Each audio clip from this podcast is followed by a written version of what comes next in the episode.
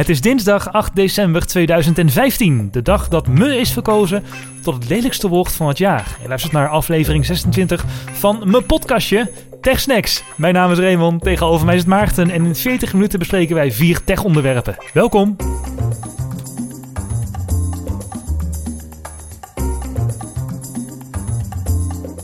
Me podcastje, Raymond. Werkelijk?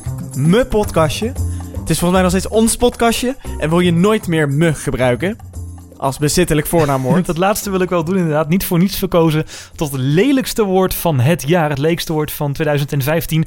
Andere kanshebbers, andere genomineerden waren onder andere selfie, papadag, zeg maar en mensenmens. Oh, mensenmens. Ben je ook zo'n mensenmens? Ach ja, ik ben de CEO van mijn eigen leven. De, de architect van mijn eigen bestaan. Ik ben echt een mensenmens, zeg maar. Nu ga ik verder op mijn pappiedag even een uh, selfie maken. Goed, uh, tot zover uh, deze foute woorden. Ehm, en inderdaad, me als bezittelijk voornaamwoord, doe het gewoon niet. Nou, als je nog inspiratie nodig hebt voor je Twitter-bio, bij deze hebben we je genoeg inspiratie gegeven. Ja, precies. Denk ook lekker out of the box. Raymond, we hebben een berg follow-up. laten we beginnen met de vraag van Marcel. Of, nou ja, twee vragen van Marcel eigenlijk. Ja, die had pittige vragen. Allereerst had hij een vraag over de Foto's-app van OS 10. En Marcel vroeg zich af of je een album kunt maken in de foto's app van OS 10, waarin alle foto's zitten die nog niet aan een album zijn toegevoegd. Dat is eigenlijk simpeler dan je denkt. Je maakt daarvoor namelijk een nieuw slim album en daarbij kies je bij de voorwaarden voor alle foto's, album is niet willekeurig. Dat klinkt moeilijker dan het is, maar als je willekeurig leest alles als alles, dan is het eigenlijk makkelijker. Want dan maak je dus gewoon een slim album waarin alle foto's zitten die niet uh, in album zitten. Dat is het antwoord op vraag 1. En vraag 2, dat, dat was een mail-app die alle mail offline haalt, was, was Michael naar op zoek. Kan uh, de mail-app dat? Op iOS hè, is de vraag. Ik heb even gecheckt of de mail-app dat kon en bleek dat hij dat niet kon, maar Outlook kan het wellicht wel. Ik heb het niet kunnen checken, maar Outlook uh, is wat geavanceerder dan de standaard mail-app van iOS. Dus ik adviseer je om daar eens naar te kijken. Um, over, uh, gaan we even door van, van vragen naar reacties. Want we vragen nog regelmatig uh, om reacties. En Frans-Jan heeft gereageerd op onze vraag um, in onze vorige podcast... hoe de luisteraar nou eigenlijk over versleuteling denkt. we hebben het over um, versleuteling gehad en hoe een overheid misschien inzage moet krijgen, et cetera, et cetera.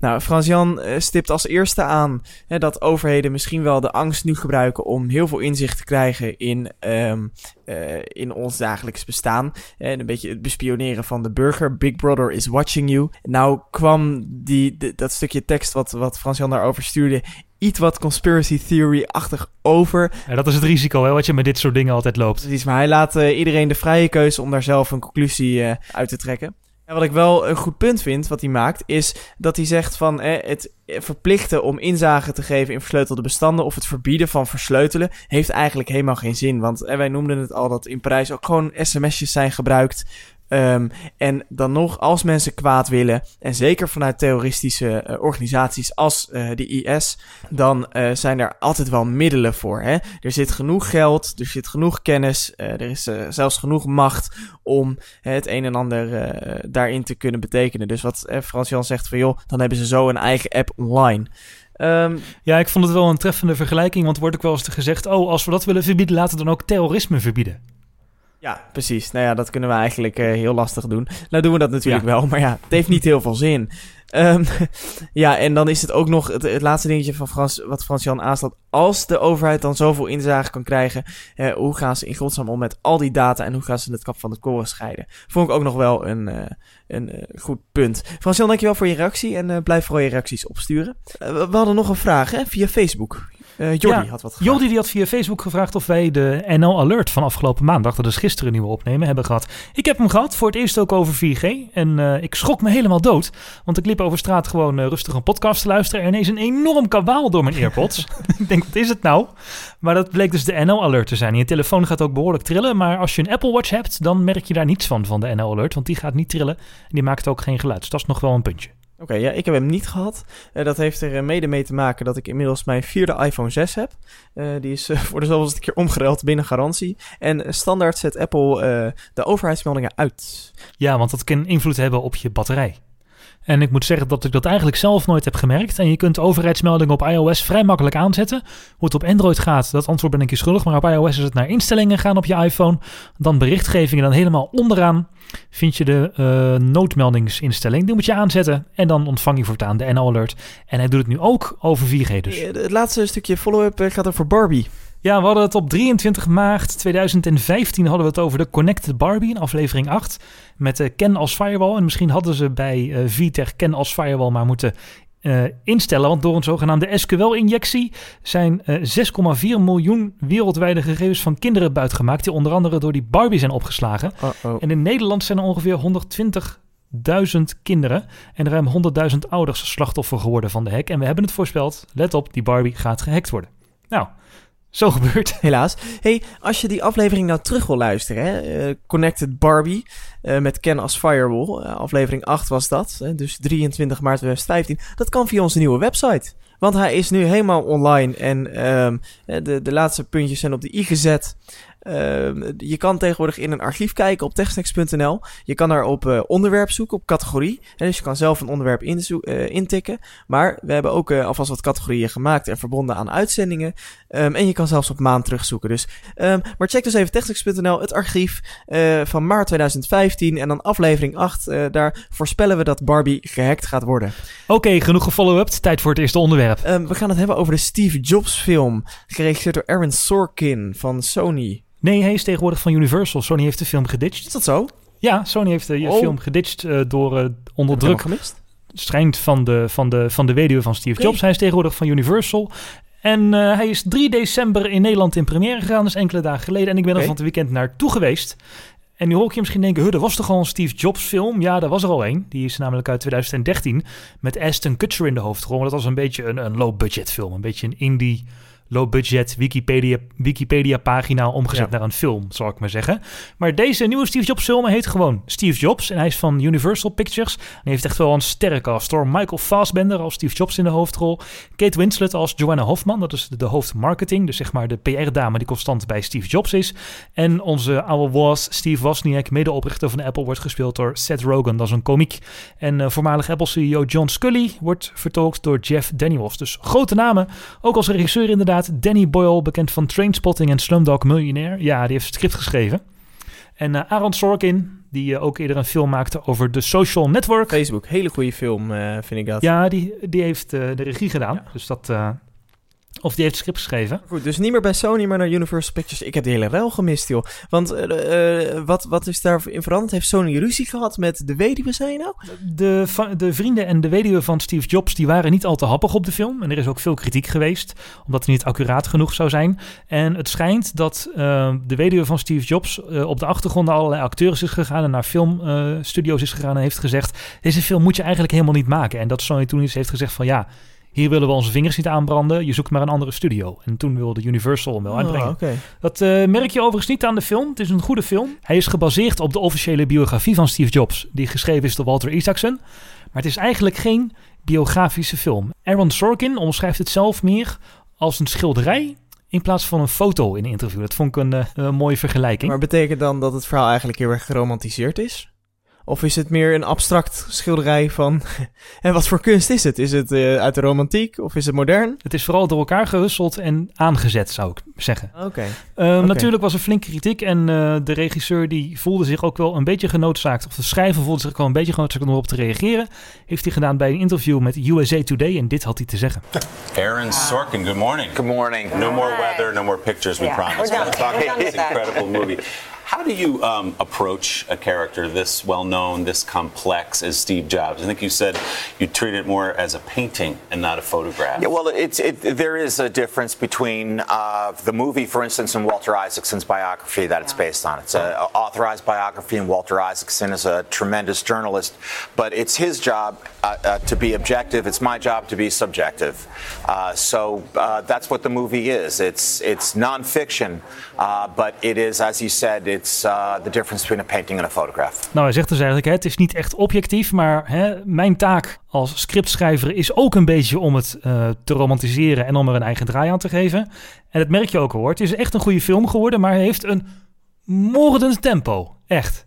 je, zit, je bent bijna moe dat je hem hebt gekeken. Ja, het is wel interessant. Het is wel iets wat bij deze tijd hoort natuurlijk. Hè? Dat er goed tempo in een Ja. film zit. En zeker bij hè, zo'n film wat eh, toch het risico loopt om een beetje inderdaad een uitgekoude Wikipedia-pagina te worden. eh, alleen dan met wat eh, videobeelden erbij.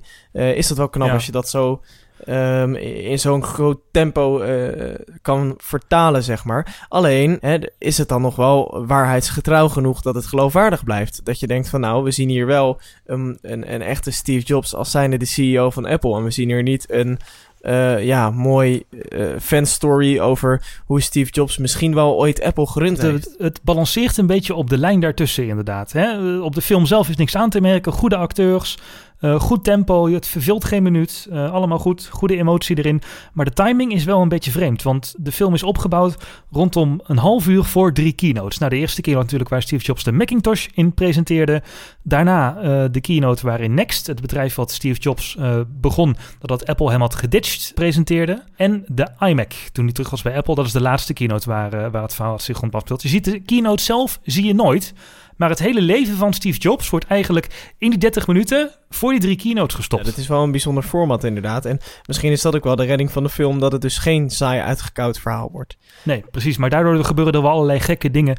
Zo is Steve Wozniak ineens aanwezig bij de presentatie van de iMac als Apple-employee. En hij werkte toen helemaal niet meer bij Apple.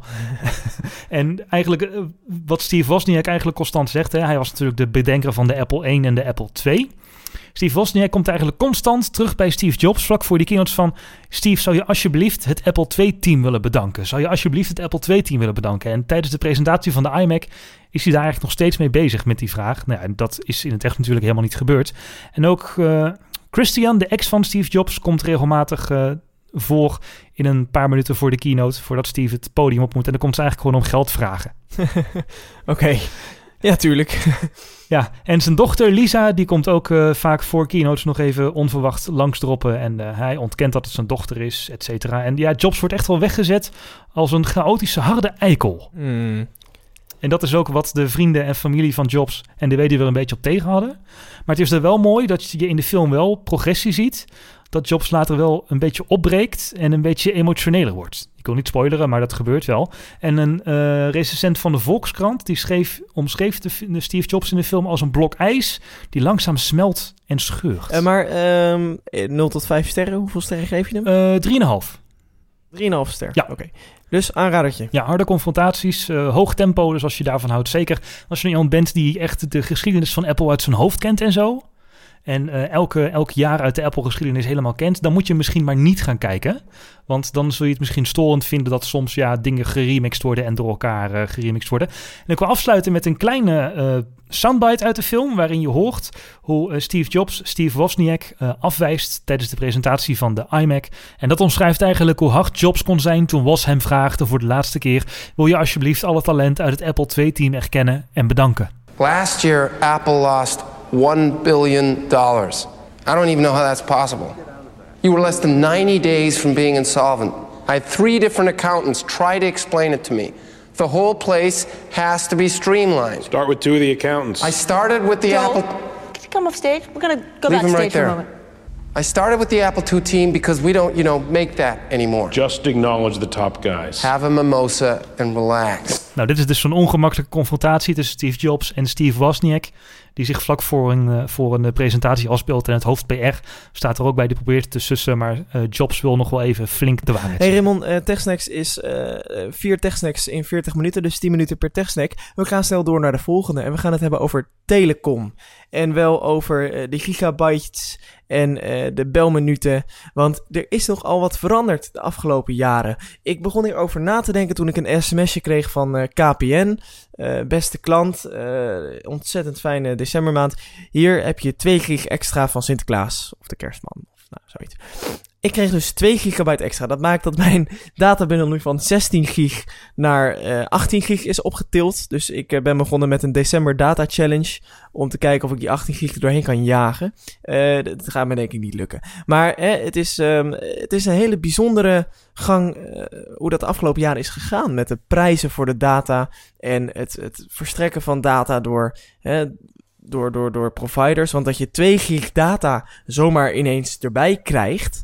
Ehm, ik denk dat je dat eh, rond deze tijd vorig jaar niet had, eh, niet had verwacht. Nou, we hebben eigenlijk inderdaad een hele shift gezien. Hè? We begonnen natuurlijk met iedereen onbeperkt internet voor 2,50 euro per ja, maand. precies. En er zijn nog enkele mensen die nog zo'n oud 2008 abonnement hebben, maar de meeste van die abonnementen zijn er niet meer. En toen zijn providers eigenlijk langzaam begonnen met het opdrukken van de prijzen per gigabyte. Maar nu zien we inderdaad weer een soort van tegenbeweging ontstaan, die ook ingeluid wordt door Tele2 onder andere. Ehm, dat de gigabytes hier weer om de oren gaan vliegen. Ja, hè, want dus, zoals Stelvoort het eigenlijk zou verwoorden is... eh, hè, wie, wie had dat gedacht? Van een onbeperkte data-C naar 5 euro per MB. Dus het, Ja. het, het is inderdaad eh, een hele bijzondere shift geweest... maar nu wordt dat weer teruggedraaid. Nou ja, teruggedraaid. Teruggedraaid is een groot woord. Maar je ziet dat er weer ruimer wordt gestrooid met data. En er weer een beetje met data wordt gestund. Sinds Tele2 erbij is gekomen naast T-Mobile, KPN en Vodafone. Ja, nee, onlangs heeft, heeft Tele2 een abonnement gelanceerd met 24 gig data... en onbeperkt bellen en Voor sms. 35 euro per maand. Precies, 35 euro.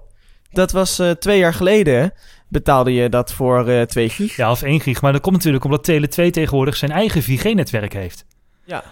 Die hebben een eigen netwerk gebouwd. En ja, ze zijn natuurlijk nu de underdog. Dus ze kunnen KPN, T-Mobile en Vodafone rustig uitdagen. Met een, eh, ja, ze noemen het zelf een dataoorlog. Ja, want ik heb even bij het oude vertrouwen bellen.com. Ah, van Ben Wolding, of hoe heet hij? Ja, precies zoiets. Zijn hoofd staat nog steeds heel enthousiast rechtsboven op de website. Ja. Hij is er inderdaad miljonair door geworden. Maar ehm, heb ik even de ehm Simone abonnementen erbij gepakt. Ehm, met meer dan 10 gig data. Mhm. Dus, en wat dat dan kost. Dus laten we even ehm, checken. Bijvoorbeeld T-Mobile. Dan heb je dus onbeperkt bellen en onbeperkt sms. Dat hebben ze eigenlijk allemaal. Ehm, dan, en ze hebben ook geen echte datalimiet meer. Maar na je bundel en na je bundelgrootte, dus na 10 gig bijvoorbeeld, gaat je snelheid dan naar beneden naar 64 kilobyte per seconde. Hè, bij T-Mobile zien we bijvoorbeeld, dan krijg je 12 gig. Dat is dan 36,5 euro. Ehm, KPN is vrij duur, maar goed, biedt ook echt kwalitatief een erg goed netwerk aan. Dus heb je die 10 gig voor 42,50. Maar KPN heeft allemaal mooie deeltjes met KPN compleet. En als je van andere, van High kwam bijvoorbeeld, dan krijg je ook korting. Dus hè, dit zijn een beetje de reguliere prijzen. Ehm, pakken we nog even een, eh, een andere. Het is vooral heel veel T-Mobile wat je trouwens ziet. Die probeert zich echt nog wel ertussen te, te duwen. Kortom, je zit zo tegenwoordig rond de 30 euro. Tussen de 30 en de 40 euro. Als jij meer dan 10 gig internet wil.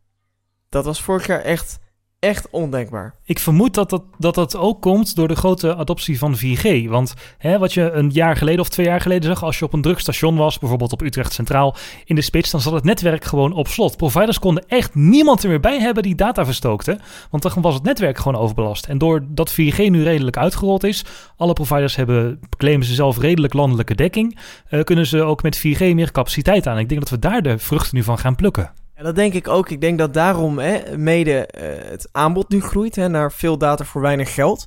Ehm, maar ik heb, het, eh, ik heb er wat langer over nagedacht en even een heel aantal punten eh, op een rijtje gezet. Want ik denk dat er eh, eigenlijk vanuit drie pijlers invloed hebben op deze trend die we zien binnen de telecommarkt. En namelijk sociale invloeden, producttechnische invloeden en entertainment. Wat de afgelopen jaar eigenlijk en de afgelopen twee jaar, drie jaar ontzettend veranderd is. Als we, nou je noemde het al, die 4G-netwerken, ze kunnen gewoon meer capaciteit aan. Maar het maakt ook het internet sneller. Eh, de, de techniek gaat vooruit, dus onze telefoons worden sneller. En de content wordt gewoon veel beter. hè. we hebben gewoon goed design, responsive eh, websites. Eh, dus steeds meer websites hebben of een goede app of een goede responsive eh, website. Bijvoorbeeld, Mhm. eh, ik weet even, even denken, een goede responsive website. Oh ja, techstacks.nl. Tegenwoordig zijn we responsive. Nou, dat waren op Tumblr ook al, maar nu zijn we veel meer responsive. Veel meer responsive. Ehm, hè, dus, dus dat is producttechnisch zijn we daarop vooruit gegaan. Maar ook sociale invloeden. Hè, dat wij meer gebruik gaan maken van internet. Bijvoorbeeld, eh, we hebben een maatschappij met eigenlijk die draait om directe behoeftebevrediging.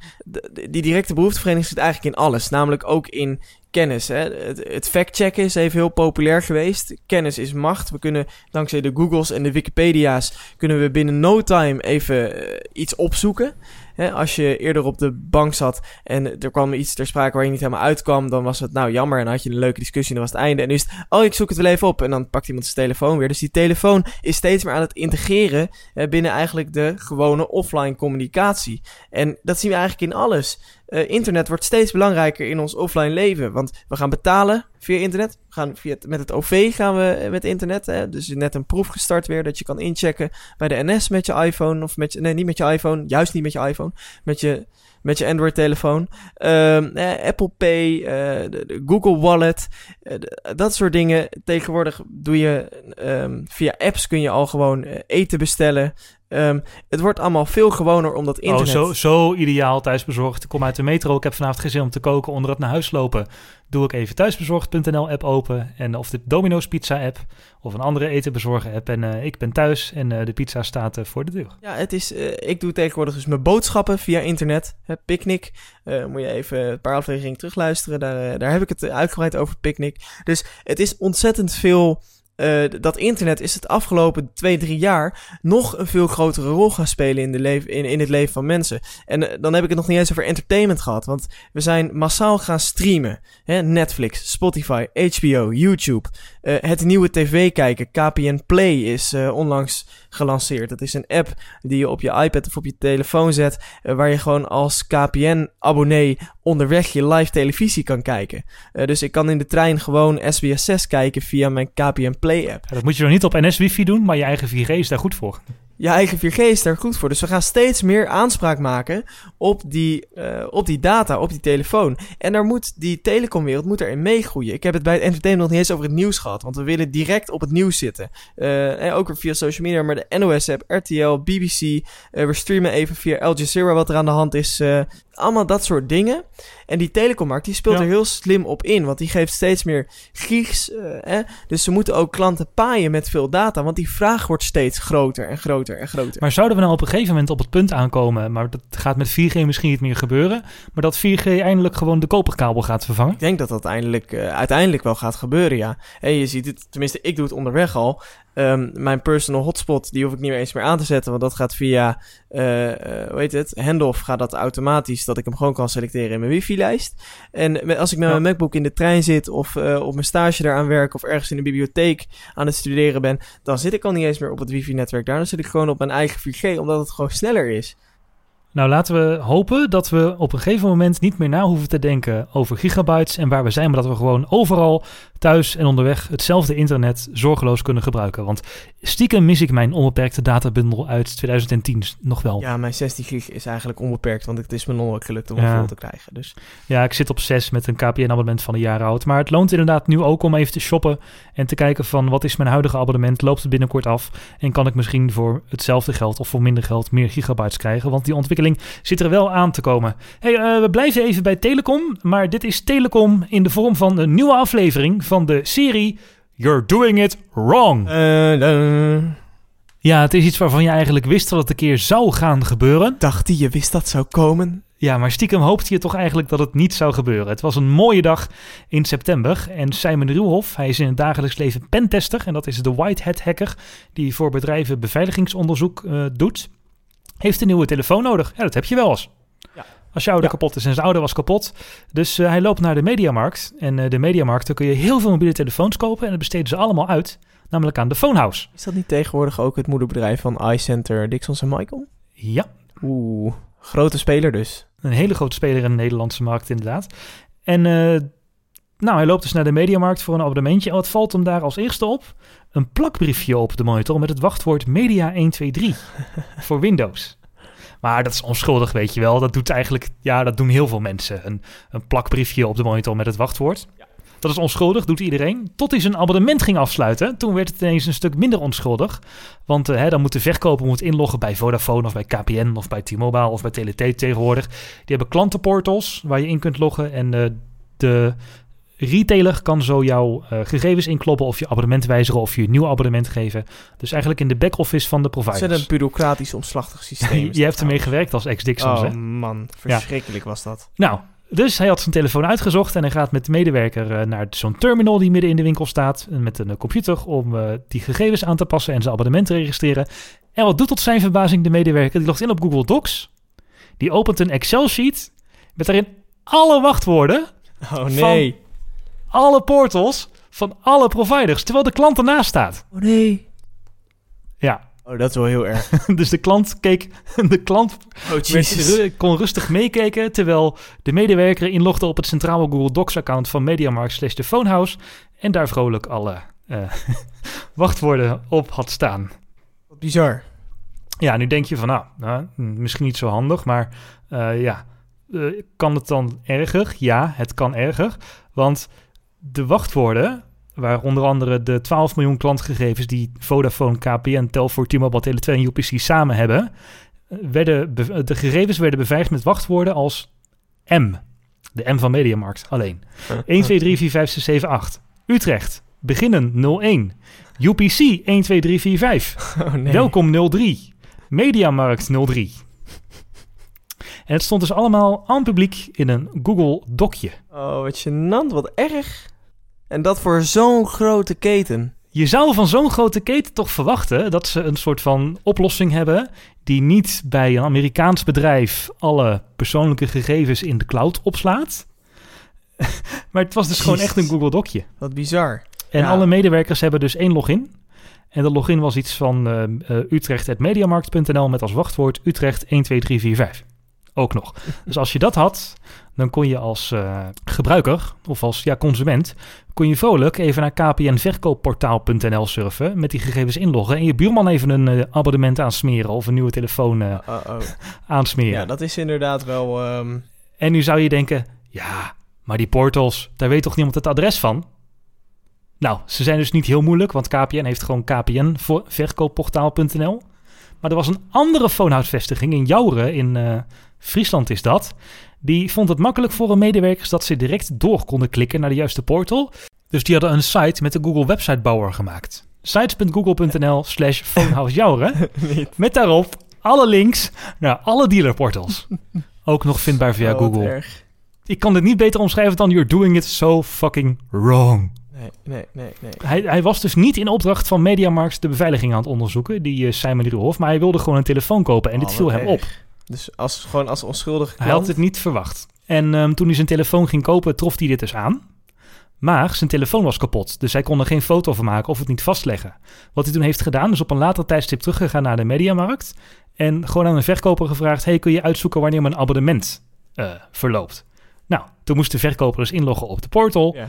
En hetzelfde tafereel herhaalde zich, dus het was ook geen toeval. Nee, nee, nee, nee. Het is gewoon echt gewoon de workflow die ze hebben bedacht. Wat ontzettend erg voor zo'n bizar... Heeft Mediamarkt hierop gereageerd? Ja, Mediamarkt heeft eh, in eerste instantie erop gereageerd. Eh, hij had het keurig gemaild. Het was de Mediamarkt in Utrecht. En ehm, hij eh, nam contact op met de lokale store manager. En die reageerde van... jongen, als je dit ooit openbaar maakt... ik ga je aanklagen en ik geloof er niks van. Really? Toen heeft hij de providers maar gemaild. En na wat druk van de providers zijn zowel Mediamarkt en de Phonehouse eh, aan de slag gegaan. Hebben ze beterschap beloofd. En eh, er zijn de afgelopen weken in een aantal winkels al password managers geïnstalleerd. En er worden eh, schermen geplaatst. zodat de monitors van de verkopers afgeschermd worden. Maar dan ben je zo'n grote keten. Ja, ja, ja, Ik kan me hier best wel druk om maken. En het, het is op meerdere punten dus gewoon fout van Mediamarkt en de En Phonehouse. in die, in die portals, daar staat ook gewoon heel veel privacygevoelige informatie. Want daar gaan kopietjes heen van ehm, legitimatiebewijzen. Daar gaan gewoon Ja. eh, NAW-gegevens heen. Ehm, en dus, dus ook fa- factuurgegevens. Kopie van, eh, hoe heet dat? Kopietjes van bankpassen inderdaad gaan daarheen. Hè, daar zitten wel, eh, als je geluk hebt, en te- tegenwoordig is dat verplicht. Dat werd net ingevoerd toen ik ermee werkte. Er zijn malletjes waarin de foto dan wordt eh, Mhm. geblokkeerd. Maar er staat heel veel privacygevoelige van handtekeningen moet je erin uploaden. Dus heel veel privacygevoelige informatie die erin verwerkt wordt. Dus het is echt grandioos erg dat dat zo erg eh, eh, slecht beveiligd Ja, en wat het punt is ook met die vaste inloggegevens, is dat zeg maar als een medewerker ooit het bedrijf verlaat of een verkoper stopt ermee, die wachtwoorden worden echt niet allemaal aangepast. Dus als verkoper heb je eigenlijk, ja, zolang de wachtwoorden niet veranderen en of ze tijdig veranderen weten we niet, eh, toegang tot ja, de, de database met klantgegevens en van providers waar je allerlei ongein uit kunt halen. Maar ik vrees, Raymond, dat dit bij heel veel bedrijven zo is. Ja, en simpele dingen, bijvoorbeeld hè, als je Google Docs hebt. eh, in Google Docs kun je een cel, het was een Excel-bestand, een cel kun je zwart maken. Ja. En de tekst kun je ook zwart maken. Ja. Dan ziet de klant het wachtwoord in ieder geval niet. Nee, nee ja, het had heel simpel, eh, het had heel simpel opgelost. Maar dan kun je het wel kopiëren en plakken. Ja, maar dat soort simpele ehm, oplossingen zijn allemaal niet toegepast. En ook de providers die zijn wel een beetje schuldig hoor. Want ehm, natuurlijk is die beveiligingsonderzoeker, dus hij gaat verder dan alleen eh, een fotootje maken en dit publiceren. Hij heeft uitgezocht of eh, providers het toestaan dat vanaf ieder adres ingelogd kan worden op hun verkoopportaal. Dus je zou zeggen, misschien zit er een IP-filter op of hebben die winkels een VPN-verbinding, waardoor je kan, eh, kan inlo- alleen vanaf de locatie in de winkel kan inloggen. Maar het blijkt ook voor heel veel providers niet het geval te zijn. Je kunt vanaf iedere connectie kun je naar eh, het KPN-verkoopportaal of Ja, naar die van ja. Ben of naar die van Dynafix of naar die van eh, T-Mobile of Tele2 kun je inloggen en je buurman een gloednieuw abonnement bezorgen. Gewoon vanuit een, van achter een toch proxy of eh, iets anders. Dat gebeurt voor de Phonehouse en voor Mediamarkt.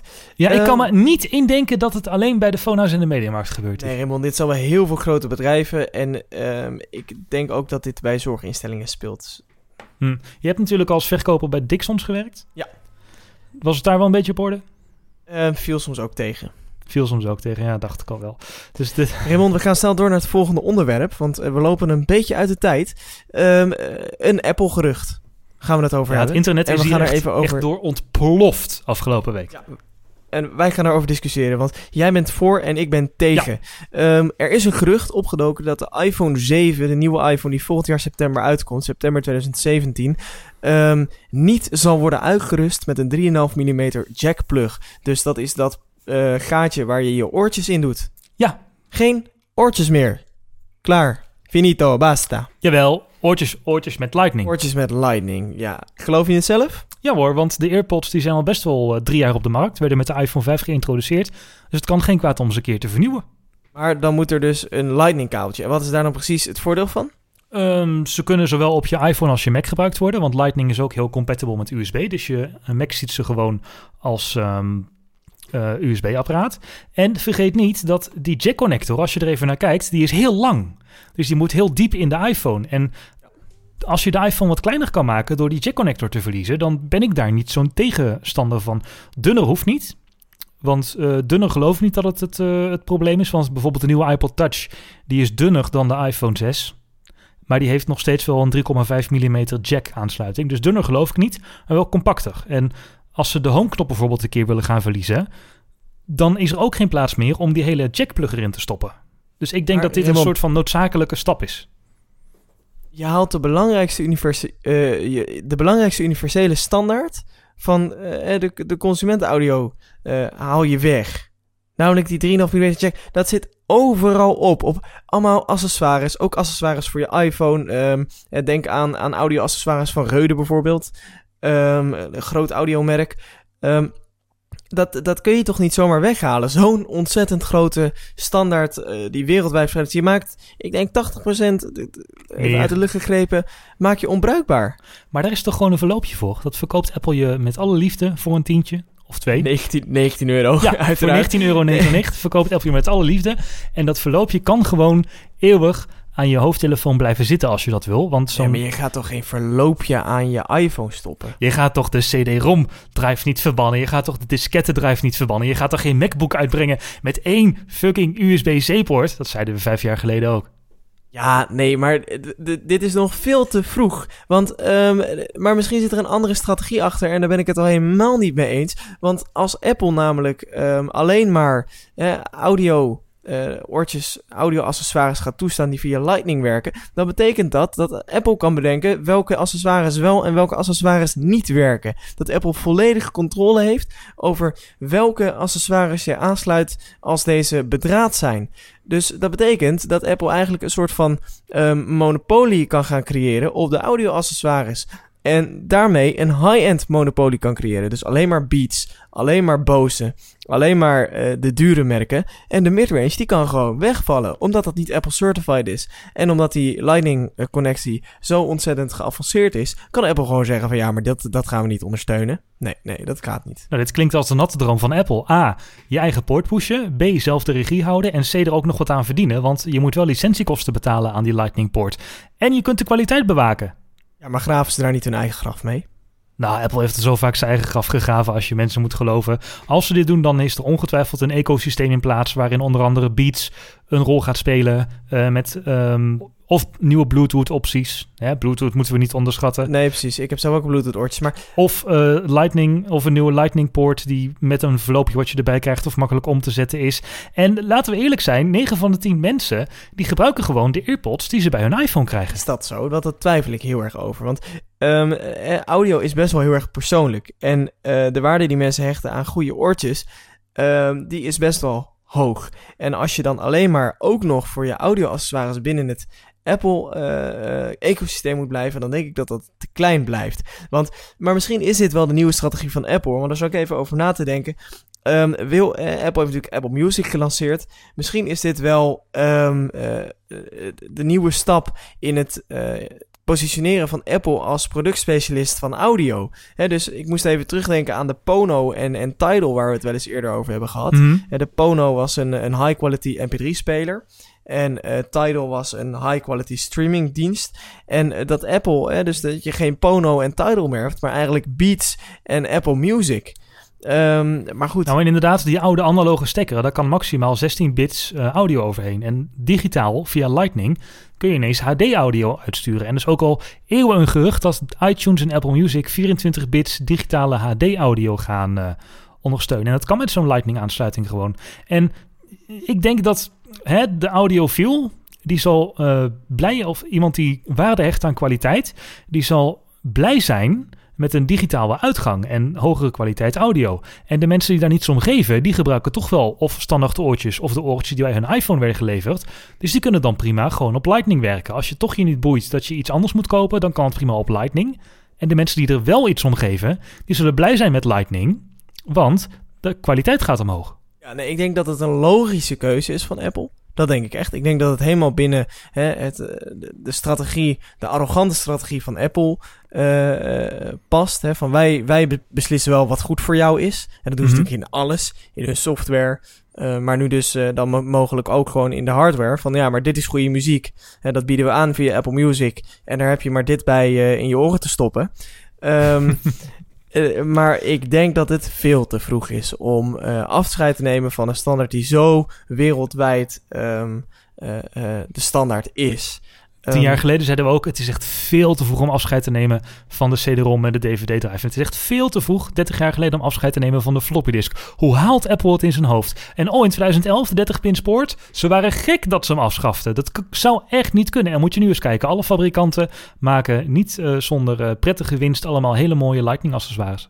Ja, maar ik denk nog steeds, omdat er zoveel audio-accessoires zijn, dat dit nog veel te vroeg is. We gaan het zien. eh, we komen hier... eh, En wat nou, en wat nou, wat nou als, als de ruimte die de jack eh, innam opgevuld wordt met extra accu? ja, dan word ik wel blij. Maar ik gebruik namelijk draadloze oortjes. Dus Ah, dat, zie je, je hebt hem wel helemaal niet meer nodig. Nee, precies. Maar ik denk, ik ben niet de doorsnee gebruiker. En ehm, eh, Nee, maar ik denk dus dat de doorsnee gebruiker het gewoon doet met wat bij de iPhone geleverd wordt. Je ziet eigenlijk mensen, ja, heel veel mensen gewoon met de bekende witte oortjes lopen met een iPhone. En dat de audiofiel wel blij wordt van digitale omzetting. En eh, ja, dat de, voor alle edge cases dan maar een verloopje er moet zijn. Wat Apple misschien wel voor eh, gratis geeft bij eh, iedere iPhone of weet ik veel voor een ja, zal dat het dan zijn? Dat je dus je gratis AirPods kan vergeten. Of dat je gewoon de gratis AirPods met, met eh, mini-jack krijgt. Ehm, en dat, dat je dan, eh, als je wil upgraden, dat je dan een audio-accessoire met Lightning kan kopen. Nee, ik denk wel dat Lightning standaard wordt. Hè. Als ze echt die headphone jack weg willen hebben, dan is het ook in Apple's belang om daar iets, een product bij te geven wat meteen een goede beleving geeft. Eén keer klikken, klaar. Ja. En hè, er zijn natuurlijk ook al flink wat geruchten over draadloos opladen met de iPhone. Dat daarmee geëxperimenteerd wordt. En dat zou ook wel, hè, de Apple Watch kan het al, het gaat nog wel traag, maar goed, de techniek werkt. Dus dan kun je, als je draadloos gaat laden, kun je gewoon luisteren en laden tegelijk. Dat zou dus twee vliegen in één klap zijn. Want dat was ook nog een bezwaar wat veel mensen hadden. Ja, maar hoe moet ik dan laden tijdens het muziek luisteren? Nou, bijvoorbeeld dat draadloos laden kan. Dus ze moeten inderdaad wel een aantal dingen rechtzetten en veranderen. Wil dit gaan gebeuren? Maar ja, de iPhone 7, ja, heel veel, moet die nog heel veel dunner worden? Betwijfel ik. Zitten mensen te wachten op iets compacters wat niet zo lang is en niet zo'n grote homeknop heeft en niet zoveel randen heeft? Ja, en is Apple te porren voor het lichter maken en het compacter en dunner maken van zijn producten? Ja, dus ik vind het niet onwaarschijnlijk, maar het zal inderdaad weer wel, ja, het internet zal nog wel stukken gaan als het waar is. Ik eh, blijf tegen. Ehm, ik denk dat het veel te vroeg is. En daarmee sluit ik eh, dit onderwerp af. Ik ben wel heel benieuwd wat onze luisteraars hiervan vinden. Dan nemen we dat even mee in de follow-up. En jij gaat zo vertellen in het afkondigen van deze uitzending eh, hoe mensen kunnen reageren. Ja, dat gaan we zeker doen. Want deze aflevering 26 van de TechSnacks podcast die zit er alweer op. Volgende week zijn we natuurlijk gewoon weer. Dan met aflevering 27. En dan gaan we langzaam vooruitblikken richting het einde van het jaar. En in het einde van het jaar hebben we nog wat speciaals voor je in petto staan. Maar dat vertellen we je allemaal volgende week. Vergeet niet te reageren via onze vernieuwde website www.techsnacks.nl. Maar als je liever van mailen houdt, dan mag het ook reactie.techsnacks.nl. Of uh, via Twitter, techsnacks.nl zijn we. En Facebook, dat vergeten we voor deze keer maar. Ik bedank de webhelden, zo omschrijven ze van nodots.nl webhosting en webdesign van Nederlandse bodem uit Eindhoven voor het hosten en de bandbreedte van deze podcast. En natuurlijk voor onze nieuwe website techsnacks.nl. Bedankt voor het luisteren en tot volgende week. Tot volgende week.